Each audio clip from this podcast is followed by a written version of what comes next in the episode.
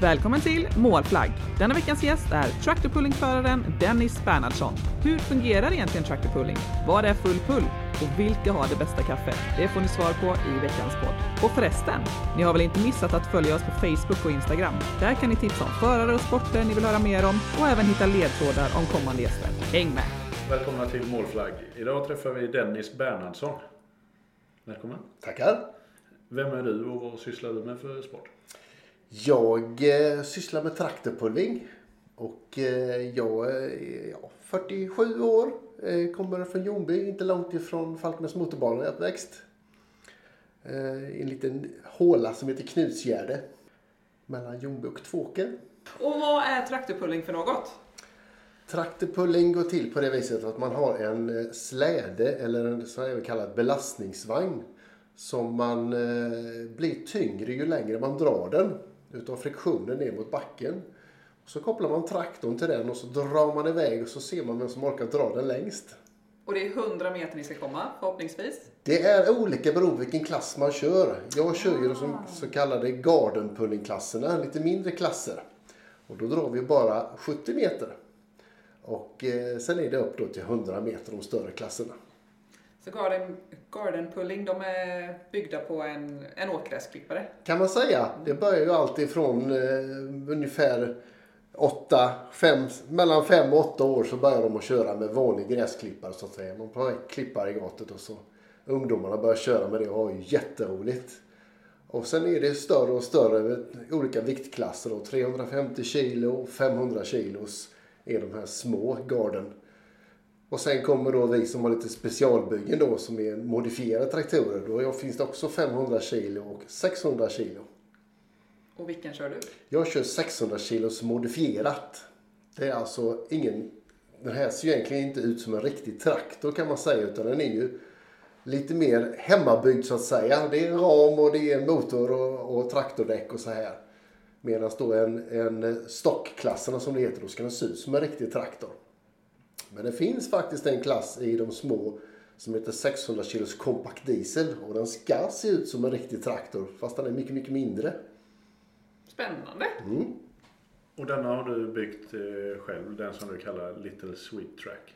Stämmer bra det. Jag började för eh, 2015 började lite grann skissa på den här traktorn för då blev den här klassen europeisk klass. Så den finns i hela Europa den här klassen numera. Den är från början egentligen en svensk klass som var en instegsklass som kom till. Och det, det som är lite smidigt med den här klassen är att mycket av den bygger på bilkomponenter. Så att eh, min traktor den är ju då byggd på en BMW-diesel. Sexcylindrig BMW-diesel som sen eh, är väldigt uppretad sen med trimmat med större turbo och större bränsleinsprutning och, och så. Och du kom ju faktiskt trea i SM 2019 med denna. Ja, det gjorde jag faktiskt. Eh, första året jag körde 2018 då var jag ju väldigt ny på det här så att man hade inte lärt sig den här tekniken för det är väldigt mycket teknik att köra en sån här traktor. Det gäller ju inte bara att bygga en stark traktor, du ska också hantera den och hela tiden känna av hur man kör. Så att eh, första året så var jag ju ganska långt efter mina konkurrenter. Men eh, sen när jag blev lite varm i kläderna så var jag och nosade dem lite grann och grejerna höll och jag körde ju sönder några växellådor i början innan man lärde sig att ja, vara lite försiktig och så. Så att eh, ja, jag var, blev trea och det var riktigt roligt. Hur kommer det sig att du började? Jag såg ju det här med traktorpulling när jag var liten. Då fanns det ju här ute i bland annat då i Vessige körde de början på 80-talet men det var alldeles nytt i Sverige. Och det var jättehäftigt att titta på. Och sen fick jag se ett klipp på Youtube om att det fanns de här små traktorerna då. Och då blev jag ju jätteintresserad och tänkte där har jag min grej. Det här vill jag prova. Så att eh, 2007 började jag bygga den första traktorn och det var en sån här compact diesel. Och det var alldeles nytt i Sverige. Det fanns inte någon sån traktor då så att det var den första som byggdes. Och jag fick hjälp ifrån Holland, från ett holländskt team där nere som byggde traktorer och höll på med detta i tio år. Så jag fick liksom tips hur jag skulle bygga den här första traktorn. Så det var så det började. Men den såldes tyvärr innan jag blev färdig för att jag, eh, ja, Det var ju ingen annan som körde en sån. Men det visade sig sen då att det var ju fler som byggde ut att jag visste om det. Så att eh, jag tog en paus där och så då 2015 när eh, denna klassen kom till, blev Europa så tänkte jag nej nu ska jag bygga igen. Då var du tillbaka. Då var jag tillbaks igen ja. Men du är ju uppväxt eh, utanför Falkenberg, Ja. i närheten av motorbanan. ja. Har du sysslat med någon annan form av motorsport? Det har jag gjort. Jag körde motocross under hela min skoltid och även lite grann enduro på slutet. Och sen eh, har jag även byggt en crosskart när det kom då i slutet på 80-talet. Så hade jag och min bror, vi hade varsin och lekte med hemma i grushålan. Så det har ju varit motorsport mycket och i och med att man är uppväxt nära motorbanan så har man ju plankat in där och tittat. Men, eh, Så kan det bli. Ja, men det har mest varit terrängkörning för min del. Jag har även kört trail, MC-trail. Jag har även hållit på lite med biltrail. Och det har jag också en bil som står där hemma, halvfärdig i garaget som jag pillar med. Så att det har varit mycket motorsport. Det gillar vi. Är det något annat förutom motorsport du har hållit på med? Ja, jag har eh, trä- skjutit eh, bågskytte. Håller jag på med ganska många år också. Eh, luftgevärsskytte har jag också hållit på med. Jag har tränat jujutsu under några år också. Du har haft fullt upp. Ja, det har varit eh, lite sådana udda sporter. Bågskytte var väldigt roligt. Det tränade både jag och min pappa och var väldigt mycket ute och åkte och tävlade runt om här i södra Sverige. Så att, eh, men motorerna har varit det som varit största intresset. Det har alltid funnits där bakom hela tiden. Tillbaka till traktorpulling där. Mm. Eh, med underlag och så. Vad är det bästa underlaget eh, jämfört med det sämsta? Det är lite olika för det beror ju lite grann på vad man har för traktor. För min del som har då, hade en traktor som eh, inte har så högt varvtal så var det ju smidigt för mig om jag hade en bana som var lite lös. Så det kan variera väldigt mycket. Den ska ju vara en viss blandning utav lera och sand och vatten för det ska vara en speciell konsistens på så att eh, den första tävlingen jag körde på så eh, då var det nästan som man kände hur det klistrade under fötterna när jag gick på banan. Så att eh, där rök den första växellådan för min del. Jag var lite för het på gasen där så att därför så blev det en väldig påfrestning. Så det får man ju känna efter. Däremot var jag på en annan tävling eh, och körde och det var lite, lite lösare och då gick det jättebra. Så att det, det är lite olika. Och eh, regn kör ni inte i. Nej, då blir det ju för kladdigt och för halt så då blir det farligt. Då kan inte belastningsvagnen bromsa eh, traktorn och då kanar man av så därför så eh, måste det vara noga. Så det finns Kommer det regn så drar vi över presenning över hela banan och så får vi vänta tills det har dragit över och så är det på igen. Då hoppas man att det drar över fort. Men hur gör man när man tränar i denna sporten? Eller gör man det? Nej, det är det som är lite svårt. För träna gör man faktiskt på tävling. Eh, Man kan ju träna. Jag har ju tränat lite hemma på gårdsplanen och varvar upp och drar iväg med någon stor tung grej efter. Jag har dragit runt med cementrör och lite annat kul där hemma på vägen. Men annars är det faktiskt på tävling som man testar och förbättrar sig under mellan de olika tävlingarna. Just eh, när det är så likt eh, maskiner och traktorer och så. Har ni någon vätska i hjulen för vikten och så? Eh, nej, det har vi inte. Man försöker ju att sträva efter att vara så lätt som möjligt egentligen på traktorn. Så att eh, jag ligger ju väldigt nära smärtgränsen. Min traktor får ju bara väga 600 kilo inklusive förare. Så att det är ju ganska mycket jag får tänka efter där. Jag ligger precis på 598-600 kilo när jag väger in. Och, eh, så att, eh, men ju lättare man är, desto lättare ligger man liksom uppe på åker. För det är ju hjulspinn man vill få upp. För det är ju hjulspinnet man lever på hela vägen och får det här flowet hela tiden när man kör. Så att är du så lätt som möjligt så är det ju bättre. Jag läste någonstans att, det är, att bakdäcken kommer upp i 200 km i timmen. Ja, det kan vara så. Eh, Min traktor, den, eftersom jag har diesel så kör jag lite mer med vridmomentet. Så jag har inte mer en hjulspinn mer än 60-65 km i timmen när jag har full gas.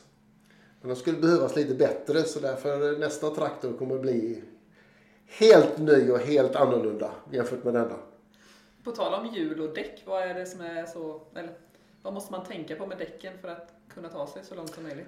Ja, det är ju mönstret. Eh, mina däck har jag ju skärt ner. Så att det här, de här däcken jag har på den här traktorn de kommer ju ursprungligen från en liten kompaktlastare. Som så, sen har jag filat ner de här däckmönstren så däckmönstret är inte mer än 12 mm. Men du kan ju köpa färdiga däck och de är ju specialbyggda just för traktorpulling.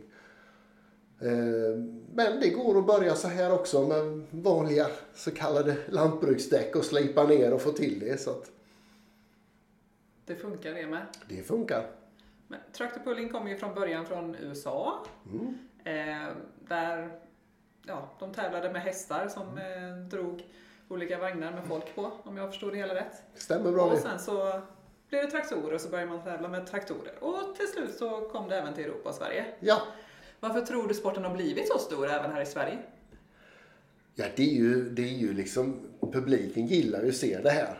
Det är liksom mycket kraft, det är mycket, alltså allt ifrån de här små trädgårdstraktorerna upp till de här stora i 4500 kilosklassen med då tre stycken V12 motorer, alltså det här öronbedövandet. Ja, det är spektakulärt alltså när det här drar igång och, och det är lika roligt att se de små barnen. De är liksom jättelyckliga och vinkar glatt och ser de här jättestora traktorerna. Så det drar publik. Det är, och har alltid gjort. Det är jättekul att se. Jag har varit och kollat när du har varit och kört i Laholm. Eh, och det är ju få man har sett som kan köra och det går sönder och det flyger delar över hela banan och ändå vara den gladaste personen på hela stället. Ja, stämmer bra det. Jag tycker detta är jätteroligt. Ja, det spelar ingen roll om jag kör nio meter och smäller en växellåda i tusen bitar. Jag är lika glad ändå och vinkar och kör high-five med barnen när man åker förbi dem. För att det är ju så att det är ju läktare på varje sida och den kicken man får att sitta där i traktorn när man har 5-6 tusen personer på var sida om sig och titta liksom. Det är en kick bara det. Jag får nästan gåshud bara jag tänker på det liksom. Det här när man liksom släpper på där och känner den här kraften. Och så säger det bara pang kanske men man får rycka på axlarna. Det är det som tillhör sporten lite grann också. Det är det gärna publiken gärna vill se. Där det smäller och det ryker och motordelarna flyger över hela, hela banan. Så det tycker de om. Men det jag tycker om att bjuda på mig själv. Det är roligt. Så att eh, ja, det är kul. Hur går en eh, tävlingshelg till? Om man ser från att ni kommer dit. Eller rättare sagt, hur, hur går det till från att ni lämnar garaget om man säger så? Ja, det börjar ju liksom lite veckan innan. Man går där och småputsar lite och tittar igenom så allting funkar och funderar över ska det hålla den här gången eller inte. Sen lastar, lastar man ju på sin traktor och ibland hänger man ju på husvagnen efter om man åker lite längre. Och sen eh, framförallt måste jag ha lite folk med mig då för jag klarar inte det här ensam så jag har min granne med mig, Alvin Karlsson. Och han följer gärna med mig på mina upptåg då och när vi är ute och kör. Och, så att vi ger oss iväg oftast tidigt på morgonen då. Och så när man kommer fram så anmäler man ju eller talar man ju om att man är där och blir insläppt på arenan och får sin eh, parkeringsplats där. Och sen är det ju först då börjar det ju med ett förarmöte. Där de går igenom startordningen och om det är några ändringar eller och så ropa upp oss så att vi alla finns där som är komna dit. Och sen så får man invänta tills det är dags för sin klass. Då tittar man ju på hur det går för de andra och eh, man eh, går och förbereder sig, tar på sig sin overall och sina skor och förbereder sig och då börjar man bli jättenervös. I alla fall jag blir det. Eh, tar på mig overallen ungefär en timme innan det är dags för start för jag är så nervös att inte jag är färdig i tid. Så att eh, mina konkurrenter säger nej nu får du vänta lite, vi ska inte köra än på en timme. Men eh, ja, stort sett är det så. Och sen får man ju sina försök att dra. Och det går ju till så här att man får ju oftast två försök att dra ett så kallat full pull. Alltså ett fullt drag hela tiden kallar man för ett full pull. Och Man det är då hela vägen in i mål. Det är hela vägen förbi 70 mållinjen. eller 70 100 meter i meter. min klass eller 100 meter gör de större. Och då går man vidare automatiskt till final om man klarar att dra fullt. Och alla får ju två försök att försöka komma och dra fullt. Va? Men de som då drar fullt, de går vidare till en pull-off. Och då gör man släden lite tyngre och så provar man igen. Och då brukar det oftast vara så, då får du dra så långt du orkar. Så eh, klarar du att dra då alla 120 meter som banan totalt är så är det fritt fram. Hur skulle det funka om ingen gör full pull? Ja, då är det ju längden man går på. Det mäts ju hela tiden och det är ju en avancerad teknik som de använder på alla tävlingar och, och mäter med laser och all möjliga tänkbara teknik för att se exakt hur långt man drar. Så då blir det den som drar längst. Och vad är det ni mäter?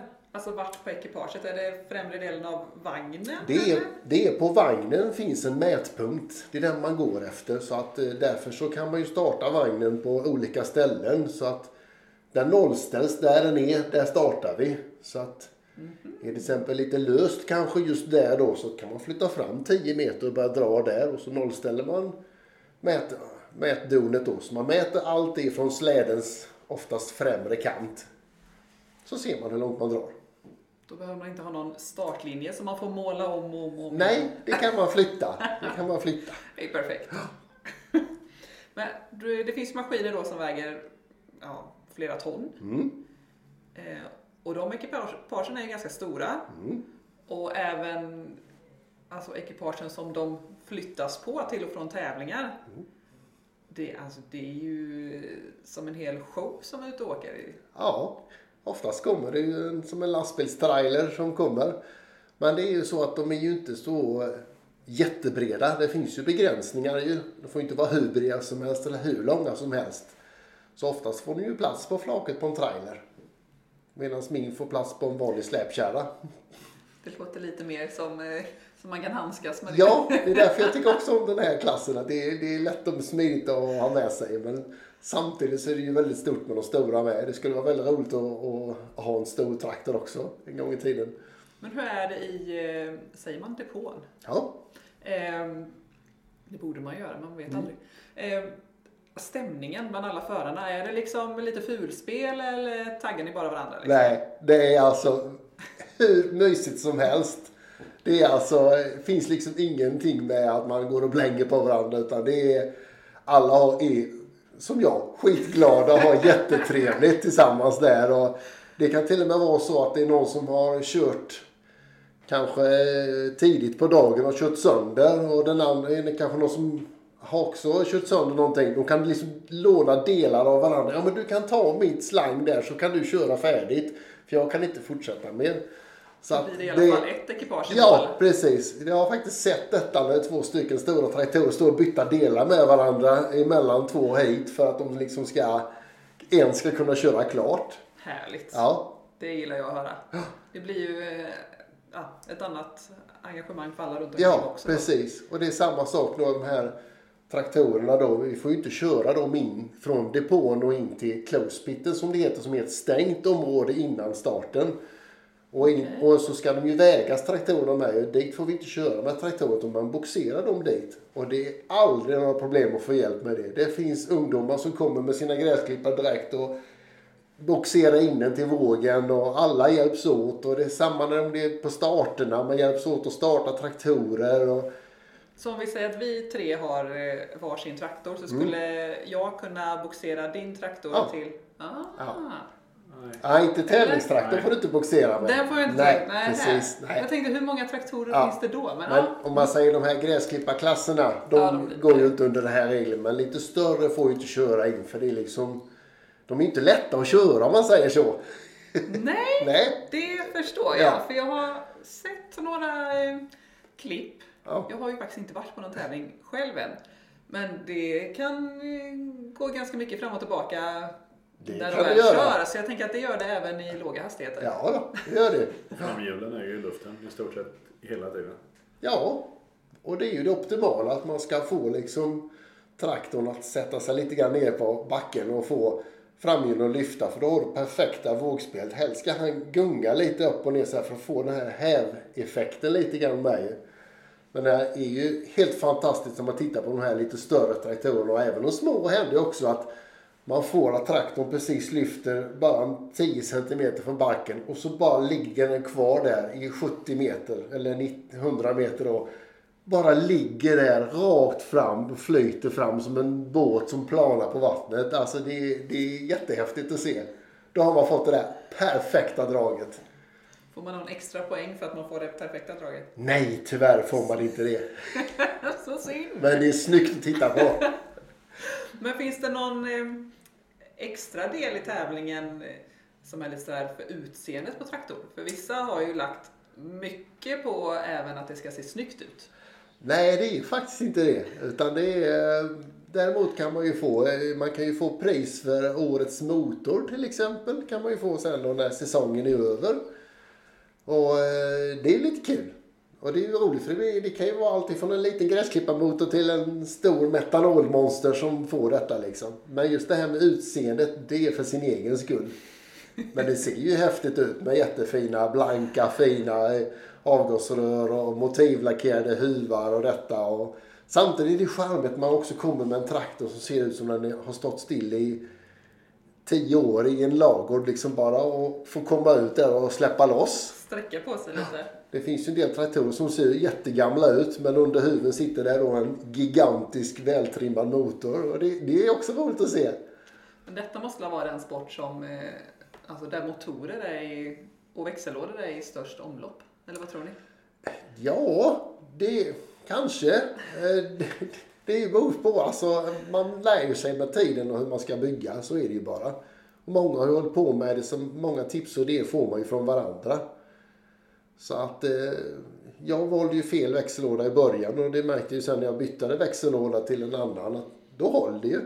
Så gick bakaxeln sönder istället. Jag, det var ju mitt eget fel som inte hade använt svetsen tillräckligt mycket. Så att, eh, men sista tävlingen gick det ju kanon så att, eh, då var jag jättenöjd. Allting höll. Då hade du lärt dig det. Jag hade lärt mig det ja. Den traktorn vi pratar om den kallas ju Little Sweet Track. Det finns ju en eh, annan traktor som heter Sweet Track. Mm. Stämmer bra. Är den baserad på den eller är det bara för färgernas skull? Eller är den lite... Det är, för färgerna, det är för färgernas skull. Den här så kallade Sweet Tracken var en svensk traktor som byggdes under mitten på 80-talet. Och det var en, eh, en eh, firma uppe i Värmlandstrakterna som började bygga de här.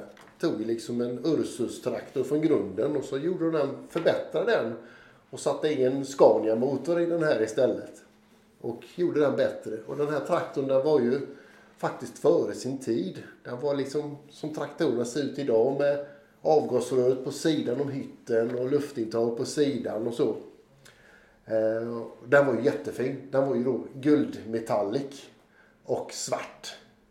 Och då tänkte jag när jag skulle bygga min att ja, jag ska ha en Sweet Track. Så då fick det bli Little Sweet Track. Det finns ju även en Super Sweet Track som tävlar i detta. Och det är en eh, god vän till mig uppe i Värmland som har den här. Och det finns bara ett enda exemplar av den här traktorn. På tal om namn. Alltså, traktorerna har ju väldigt, väldigt speciella namn. Både roliga, häftiga, alltså det är ju allt möjligt. Får, får någon traktor heta samma som någon annan? Det finns faktiskt traktorer som heter samma. Men eh, de är väldigt få. För man hittar oftast på sitt eget namn. Men jag har sett faktiskt två traktorer som heter likadant. Men eh, det är också två olika klasser brukar det vara. Och sådär. Men oftast hittar man sitt eget namn. Finns det någon så här inofficiell tävling om det fräckaste namnet? Nej, inte vad jag vet i alla fall.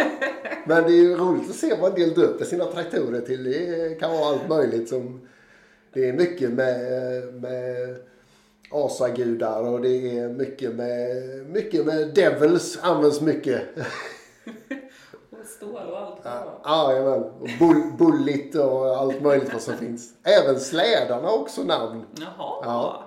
Men är det samma slädar på, på tävlingen? Eller har alla ställen olika slädar? Ja, det är ju så att det finns ju olika slädar beroende på hur stora traktorerna är. Om man säger gardenklasserna, vi har en släde som vi drar. Och sen finns det då en släde för nästa klass som heter då 950 kilos. Och sen kommer det då de riktigt stora slädarna, det finns två stycken.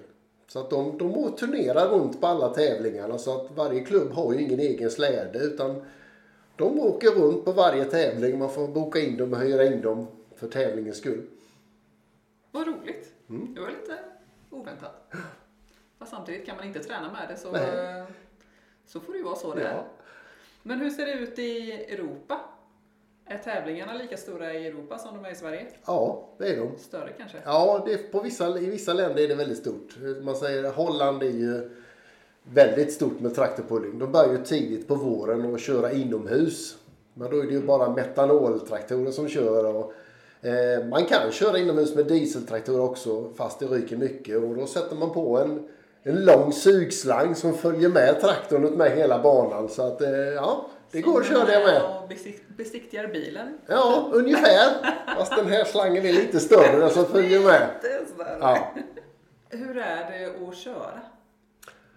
Ja, det är väldigt speciellt. För att eh, när man väl backar till släden där då, eller blir om man inte har någon växellåda som en del inte har, utan man liksom får har bara en växel rakt fram. Eh, när man väl sätter sig där då och backar till och så eh, vinkar flaggvakten fram en då att man ska sträcka länken och då brukar pulsen stiga ganska högt. Och då börjar man ju liksom att fokusera på att göra allting i rätt ordning. I mitt fall då så, så varvar jag upp motorn till 3000 varv. Och i det läget så börjar jag också komma lite grann smygandes med kopplingen. Liksom så jag börjar få att det börjar dra. Och när jag väl känner att kopplingen nyper då är jag på med gasen och möter på med igen. Och i och med då att han går upp på bakhjulen så kan jag ju inte styra. Utan då har jag ju styrbromsar. Så jag har alltså en bromspedal för höger och en för vänster. Så då får jag sitta och parera så inte jag åker av banan för då blir jag diskvalificerad om jag kommer utanför. Och det där är ju svårt att bromsa tillräckligt. För bromsar du för mycket då tappar du ju farten eller svänger för mycket. Så att det är hela tiden och så då sitta och lyssna på motorn. Hur, hur, hur beter sig motorn? Vad händer? Drar det dit eller dit? Så det är liksom mycket fokus hela tiden under de här få sekunderna som det är man drar iväg. Så det är ingen eh, domare som säger till när ni får starta, utan ni startar själva så fort ekipaget är fast om man säger. Man får ju då, eh, när du backar till så, så håller de ju en rödflagg framför traktorn och så kopplar man. Och när de kopplar så hänger de på en krok ifrån släden och kopplar även på en, en, en lina. För där sitter nämligen ett dödmansgrepp bak på traktorn. Skulle någonting hända, till exempel att draget ryker av eller att traktorn börjar slänga och det börjar bli lite okontrollerat. Då kan den som sitter, som åker med på släden där bak i hytten där bak. Han kan dra en sprint och då dör traktorn tvärt.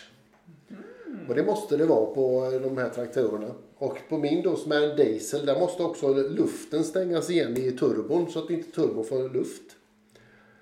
Så att det, det kopplar man på där och sen sträcker man upp linan och sen tittar flaggvakten då så att banan är klar. Alla är med. Det finns en flaggvakt också vid målgången. Eh, man tittar så att det inte finns några eh, traktorer som slätar till banan efter varje drag, att de är undan. Så att säkerheten är väldigt noggrann på traktorpulling. Och när han då får klartecken från sin flaggvakt där borta, det är fritt, då tittar han på mig och ser så att jag också är med och så får man vifta dem med grönflaggen jättehäftigt och så bär det iväg. Så sen får ni liksom starta när ni Sen vill. får vi starta när vi får den grönflaggen. Och sen när vi kommer till andra änden så är det en som flaggar av oss där. Antingen om det då stannar liksom så jag står bara och spinner då drar de också dra rödflaggen så att jag ska stanna. Eller jag kommer över linjen så stannar de ju med med rödflaggen. Och där stängs motorn av och sen blir du boxerad. Nej, där backar jag tillbaks lite grann och så kopplar de av alltihopa och så får jag fram en liten bit. Sen kopplar de på det och så boxerar de mig tillbaks igen. Och då är det jätteroligt att vinka till publiken och showa och tjoa och tycka att detta är jättekul, vilket det är. Om man går på lite utrustning där. Vad har ni för utrustning när ni kör? Jag använder ju då en integralhjälm och en flamsäker overall och ett par goa skor att ha på fötterna och även handskar. Eh, I, viss, I nästan de flesta klasserna ska man ha flamsäker overall men eh, de små eh, gardenpullingarna de behöver ju nästan bara ha hjälm och ett par bra skor. För det är ju inte de hastigheterna det rör sig om där. Och inte sådana stora explosionsrisker i motorerna heller. Hur stor risk är det då? Väldigt sällan måste jag säga. Det är, man kan ju säga att oftast är det ju att det- blir ju högt tryck i turborör och sånt. Så det är oftast det som skjuter iväg. Va? Men det är ju mycket skyddsplåtar och, och, och säkerhet runt om traktorn som måste finnas. Så att det är Oftast blir det en så kallad magtömning. Det är hela botten på motorn och rätt ut och all olja och vevstakar går rätt ner i backen. Det är det vanligaste man ser. Jag har ju läst att det, de här svarta stora molnen som man ser, som man tänker åh herregud, det är ju eh, vatten som sprutas in i turbon för att kyla ner eh, alltihopa. Så det, är, det är inte så farligt som det ser ut egentligen. Nej, det är faktiskt inte det. Vi, eh, just dieselmotorerna då, där kör vi in vatten för att kyla motorerna för det är sådana enorma effekter så att kolvarna skulle ju smälta om vi inte sprutade in vatten.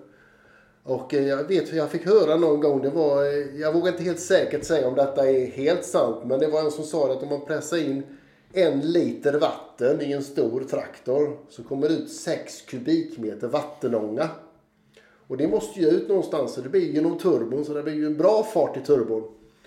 Och eh, det både kyler och rensar ju avgaserna och det är det vi ser, det här mörka som man ser. Alltså det är vattenmolekylerna och som liksom syns det här stora röken. Och det ser man framförallt när de startar att när man varvar upp de här stora dieselmotorerna så ser man nästan bara lite vit lätt rök och så helt plötsligt så kommer det här svarta.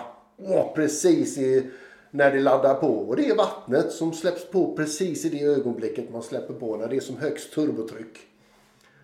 Så det är mest vattenånga man ser. Sen blir det åka av. Sen blir det åka av ja. Vi räknade på det på en tävling att vi släpper ut mindre. På en tävling släpper vi ut mindre avgaser än vad ett flygplan gör när det startar. Så det är väldigt, och många kör på metanol. Vilket är ju en rent som kommer ut. Och många har börjat också köra, framförallt jag kör ju på då miljödiesel i min traktor. Som, så att det är väldigt mycket miljötänk faktiskt inom traktorpulling. Vilket man inte tror när man ser dem. Men där ligger mycket miljötänk bakom faktiskt. Om vi går in lite på hur, eh, hur börjar man med traktorpulling om man är helt novis om man säger så? Ja, det bäst- bästa är ju att hoppa på någon av oss på tävlingarna och fråga och prata med oss. Eh, och fråga hur det är. Och, och sen försöka hitta sin klass vad man känner liksom att det här. Och så bara fråga, fråga, fråga. Och gå med i en klubb. Titta upp vad närmsta klubb är och, och gå med där. Och få hjälp och tips där. Och sen kan man ju som sagt börja med en helt vanlig standardtraktor. Behöver inte göra någonting för det finns också standardklasser som är i olika viktklasser. Så att du kan ju komma med en gammal veterantraktor och tuffa iväg med och du kan komma med en jordbrukstraktor som har gjort sitt på någon gård till exempel. Och sen kan man liksom fortsätta där och förbättra den och ändra lite där och tänka på säkerheten, vad som gäller inom de klasserna. Så man, man väx, kan ju växa med, med traktorn så att säga under årens lopp. Hur gör man med sponsorer och så? Ja, det är bara ut och, jaga dem som alla andra motorsporter. det brukar faktiskt inte vara så svårt att få sponsorer inom traktorpulling. För det, det drar ju väldigt mycket publik. Och det är spektakulärt och folk tycker det är roligt att titta på det. Så att, eh, fast jag var helt, helt ny i denna sporten så hade jag väldigt tur med sponsorer när jag byggde min traktor. Och det går att bygga en traktor billigt också. Det behöver inte kosta skjortan och halva brallorna att börja utan man börjar och så växer man med det helt enkelt och satsar mer och mer. Nu har jag en riktigt dum fråga. Men om man inte tränar, vad gör man i klubben? Ja, det är ju det att under, klubben, under året så händer det inte mycket på klubben kan man ju säga. Men när då det är dags för tävling, då är det mycket intensivt arbete. Göra startlistor och det ska göras i ordning i depån och det ska dras elledningar till camping för det blir ju oftast i samband med tävlingarna med. Det ska klippas och trimmas eh, runt banan. Det ska eh, hängnas in så inte folk kommer in på fel ställen. Eh, Det ska ordnas parkering. Det ska samlas folk, för det går väldigt mycket folk faktiskt till det här. Så att man hjälps åt, släkt och vänner och familjer och så mycket man kan. Så det blir ju väldigt mycket, om man säger man är med i en hemmaklubb då och hjälper till och så ska köra också. Så gäller det ju att få det här till att flyta hela tiden. Så det är mycket. Men vart finns de här klubbarna? För om man då inte tränar utan det är en tävling om året, eller hur ofta? Nej, ja, per, per klubb har man ju en tävling per år kanske. Så Ja. totalt brukar ligga mellan sju och åtta tävlingar på en säsong. Och de är ju utspridda i eh, stort sett, ja, vad ska vi säga, ifrån längst upp har vi ju Väse mellan eh, Karlstad och eh, Karlskoga. Det är ju som längst upp just nu. Vi har ju funnits tävlingar uppe i Umeå också. Så att, eh, och de har också en, serie de kör där uppe i en liten egen serie uppe i Norrland med lite andra regler och så. Men om man säger just eh, inom Svensk Traktorpullingklubbens regi så är det mest ifrån Värmland och neråt. Så det är Värmland och vi är i Målilla, vi är i Lidköping, vi är i Laholm, vi är i Ekerö utanför eh, Hörby, Skåne och vi är på Öland och Gotland. Och hur ser en, eh, en bana ut? Ja, när det är klart. Den är ju, eh, kan jag inte exakt måtten, men det är ju en bred bana som jag skulle gissa på ungefär 10 meter bred. Och så är den cirka 120 meter lång. Och sen kan det variera lite grann. Sen har vi också då skyddsbarriärer, ett visst antal meter som är till staketet så publiken inte kommer för nära om det händer någonting. Och även fungerar då som transport för traktorerna när de ska ut. Eh, sen oftast, antingen är det läktare eller så är det då oftast en jordvall som man tar med sig sin lilla stol och sitter där och, och fikar och tittar på detta. Och det finns alltid försäljning med hamburgare går det väldigt mycket åt på en traktorpullingtävling. Det är en populär mat. Så att eh, när vi åker iväg på tävling jag och Alvin så blir det mycket kaffe på... Eh, vi testar varenda kaffe som finns på alla mackarna hela vägen dit. Och så äter vi hamburgare när vi kommer dit och så testar vi kaffe hela vägen hem igen. Så vilket ställe har det bästa kaffet? Jag måste nog eh, säga att Circle K har det godaste kaffet än så länge. Är det något speciellt ställe eller alla är samma? Ja, na, de är nog ganska lika. Jag får nog säga att Värnamo har ju testat några gånger och den var helt okej. Extra lite plus till Ja, Circle K Värnamo. jajamän. Trev, trevligt där. Men regler, är det, samma, är det samma regler som gäller i alla länder? Ja, i Europa har vi gemensamma regler. Eh, ganska likt eh, även i Amerika. Det kan vara lite grann som skiljer men det är inte mycket för mycket kommer ju från Amerika. Men eh, Europa är ju väldigt stor inom traktorpulling just nu. Vi har ju tyvärr en pandemi som härjar här nu men eh, vi, de hade faktiskt en tävling nere i Hörby förra sommaren. Och den eh, kördes då enligt alla restriktioner som var. Och det var faktiskt jättekul för det sändes ju då på Youtube. Och du fick väldigt mycket beröm från Amerika att yes, européerna de kan köra traktorpulling. Så det var jättekul att, att höra att vi är uppskattat igen bort i Amerika där sporten kommer ifrån att det är så stort i Europa. Tror du det kommer bli mer medialt efter det här eller tror du folk kommer tillbaka till arenorna? Jag tror folk kommer tillbaka. Man vill känna den här känslan. Man vill sitta där. Känna trycket ifrån de här stora motorerna som drar på. Känna de här vibrationerna och Och känna röken och känna doften och metanolen och, och detta. Det, är, nej, det ska upplevas på plats. Många motorsporter är ju så. Det ska upplevas på plats. Det är inte alls detsamma på tv. Det ska upplevas. Vad heter din hemmaklubb? Just nu är jag med i en klubb som heter Jönssons traktorpullingklubb nere i Skåne. Och det är för att de är väldigt aktiva med just de här garden pullingklasserna. Så därför är jag medlem hos dem just nu.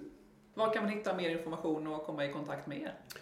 Ja, det bästa är ju att gå in på STPFs hemsida då. Alltså Svensk Traktorpullings förarsida där. Och där kan man gå in och läsa om vilka klasser som finns och där kan man även finnas, finns ju länkar då till vilka regler som gäller. Så där, där kan man börja och ta kontakt med någon klubb och fråga med dem. Och, Där finns också en lista på eh, olika klubbar och eh, namnet på de olika traktorerna. de finns Jag har där. varit och läst. De finns där. Men tävlar ni om några prispengar? Inte i nuläget gör vi inte det. Eh, vissa klasser har det hänt att de har gjort någon sån här liten sponsorgrej att eh, lägga in någon form av prispengar. Men annars så har vi inga prispengar. Däremot har vi ju då, eftersom det kommer så pass mycket publik, så får vi resersättning. Och det är ju väldigt bra. Så att eh, för mig så har det gått ihop sig för mig att åka runt i Sverige och tävla. För det har klarat sig. Det är ju faktiskt ganska stor skillnad om man ska kunna köra på en tävling uppe i Värmland eller om man ska hålla sig på hemmaplan. Ja, precis. Det är... Sen har jag haft tur och fått sponsorer till drivmedlet också till traktorn. Så den har ju inte kostat så mycket att köra heller. Hur mycket drivmedel går det åt då? Jag tänker det är inte många meter ni kör. Nej, jag tycker min lilla traktor som har en sexcylindrig motor på 2,5 liter. Den ska inte surpla i sig så jättemycket. Men han suger i sig 2,5 liter på 70 meter. Så att eh, det gäller att titta i den här lilla tanken när man kommer tillbaka så att man glömmer att tanka. För då kan det ju bli lite pinsamt. Det är ändå bra jobbat av en sån Det är bra jobbat. Det är bra jobbat. Vad, eller vad ställs det för krav på underlaget? Du var inne på det lite innan att det finns eh, lite olika eh, regler eller hur underlaget ska vara. Men vad är det för? Man brukar säga att det ska ha ungefär 20% fuktighet i eh, blandningen där. Men annars är det ju en eh, ler, sand, jord, vattenblandning. Så att det, det kan ju variera beroende på hur väder och vind så med. Den kan ju torka väldigt och då lägger man på kanske lite vatten. En del går ju ut och mäter detta, eh, liksom förare som känner efter. De här riktigt professionella åkarna. De går ut och känner hur hårt det är i backen med en pinne. Och de mäter hur fuktigt det är och så här va. Men det är klart, ska man släppa loss 2-3 tusen hästkrafter så vill man ju känna hur det är i underlaget. Du har ju ingen chans att träna. Som sagt var, det är ju bara att åka. Men i vilka länder finns sporten? Det finns nästan i alla europeiska länder. Och även bort i Asien och där med. Kanske i en annan form. De sätter ju två traktorer. Liksom Ja, bakänden mot bakänden. Mer som en dragkamp ja. Det kallar de också som någon form av traktorpulling. Men annars kan man säga i nästan alla länder i hela Europa så finns det, finns det traktorpulling. Och USA då? Ja, och USA.